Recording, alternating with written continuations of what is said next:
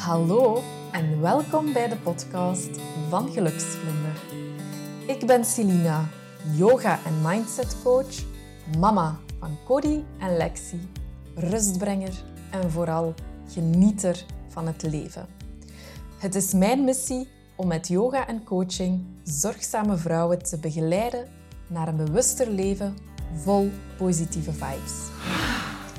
Met mijn enthousiasme neem ik je mee naar een leven met meer bewustzijn waar jij je goed kan en mag voelen. In deze podcast staan yoga, persoonlijke groei, zelfzorg en positiviteit centraal. Hiermee inspireer ik jou om goed voor jezelf te zorgen, zodat jij anderen kunt blijven ondersteunen en voor hen kunt zorgen. Klaar om meer ademruimte in te nemen?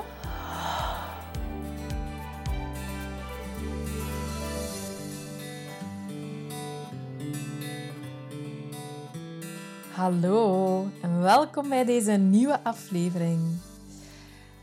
Heb jij soms ook het gevoel dat je geleefd wordt? Dat je jezelf opoffert om voor anderen te zorgen, om anderen te redden? Cijfer jezelf volledig weg. Je doet veel voor anderen, maar weinig voor jezelf. En vaak zeg je ja, terwijl je eigenlijk liever niet wilt. Dit misschien herkenbaar voor jou? Dan ben jij net als mij een people pleaser. En in deze aflevering wil ik het hebben over people pleasing en hoe dat je van people pleaser naar een recovering people pleaser gaat. De eerste waar ik het eens even over wil hebben is wat is dat eigenlijk? People pleaser zijn. En ik heb een bepaalde definitie, maar ik ga ook enkele voorbeelden noemen. People pleasers die helpen graag anderen en voelen zich verantwoordelijk voor het welzijn van de mensen om hun heen. Daarnaast voldoen ze aan verwachtingen van anderen, willen ze aardig gevonden worden en zijn ze conflictvermijdend. Nu, er zijn bepaalde gedachten die de people pleaser typeren. Zo zeg je regelmatig sorry, terwijl je dat eigenlijk helemaal niet hoeft. Je bent ook niet altijd eerlijk over je eigen mening of gevoelens, want ja, stel je voor dat je in discussie kunt gaan en een conflict kunt gaan uh, hebben met de andere persoon. Je wilt anderen niet teleurstellen, dus je zegt overal ja op, ook al heb je eigenlijk geen tijd, energie of goesting. Je wilt iedereen te vriend houden. En je eigen dromen en wensen die zet je maar opzij voor het welzijn van anderen. Je komt tijd tekort voor jezelf, omdat je zoveel aan het zorgen bent voor anderen. En je kan moeilijk grenzen stellen. Ik ga een voorbeeldje geven van people-pleasing gedrag bij mezelf. Toen uh, Cody nog klein was, hadden, we gezegd van kijk, we gaan Cody drie dagen en een half naar de crash doen. Dus eh, maandag, dinsdag een volledige dag, woensdag een halve dag en donderdag ook een volledige dag. Vrijdag gaat hij bij uh, oma en opa. En die woensdagnamiddag hadden we eigenlijk gewoon gekozen omdat dat voor mij mijn vrije dag was. Dat is de dag dat ik yoga geef. Dus ik geef morgens les, ik geef s'avonds les. En uh, ik dacht, ja, oké, kan mijn vrije dag uh, hou ik toch ook wel voor de zorg van mijn eigen kind. Dus hoe zag mijn dag er eigenlijk uit? Ik gaf in de voormiddag les. Lesgeven is voor mij uh, een energiegever, maar ook een energienemer. In die zin dat ik eigenlijk tijdens een les voor anderen zorg. Ik ga kijken naar, uh, zit iedereen goed in de pose? Kan iedereen genoeg ontspannen? Ik check ook heel veel af van, is alles oké met die persoon? Het is heel veel zorg.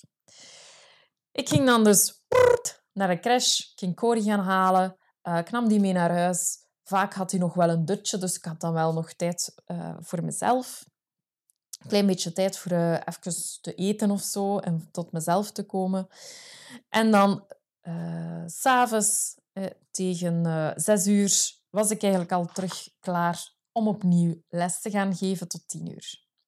Ik moet u dan niet bij vertellen dat ik eigenlijk na een aantal weken een complete lege batterij had op woensdag.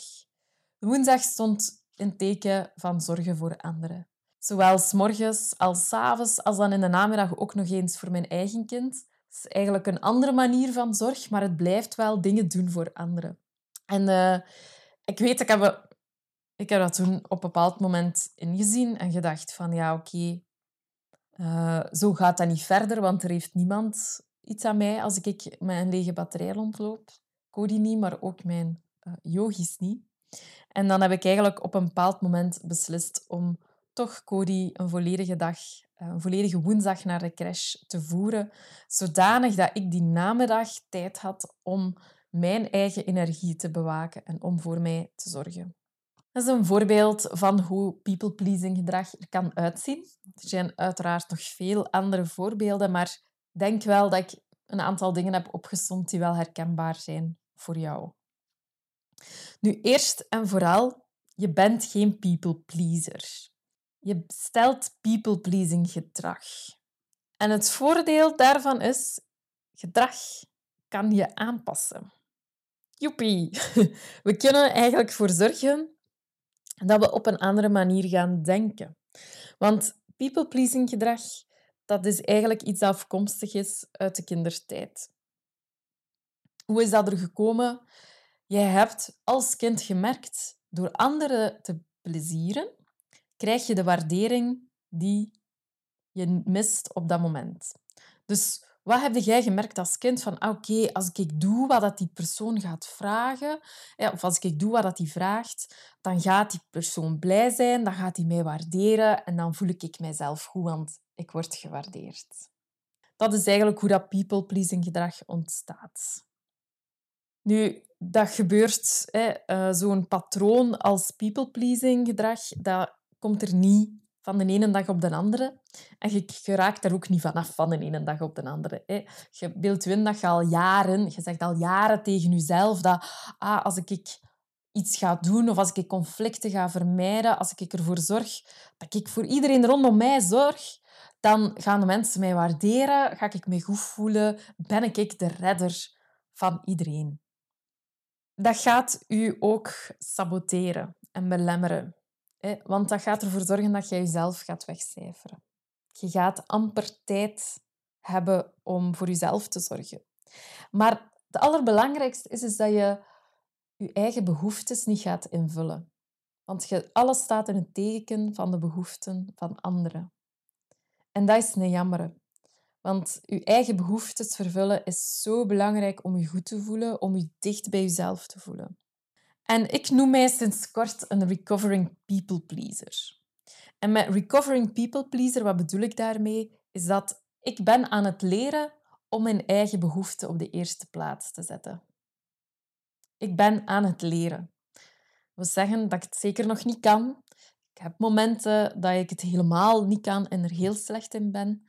En dan heb ik ook nog momenten uh, waarin het beter gaat, waarin ik wel mijn eigen behoeften op de eerste plaats kan, zeggen, kan zetten en ze ook durf uit te spreken. Want het voor jezelf weten is al belangrijk, maar je moet ze ook kunnen uitspreken en durven uitspreken.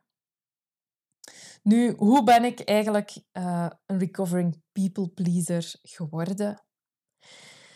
Het eerste is eigenlijk dat ik meer en meer mij bewust ben geworden van mijn eigen gedachten.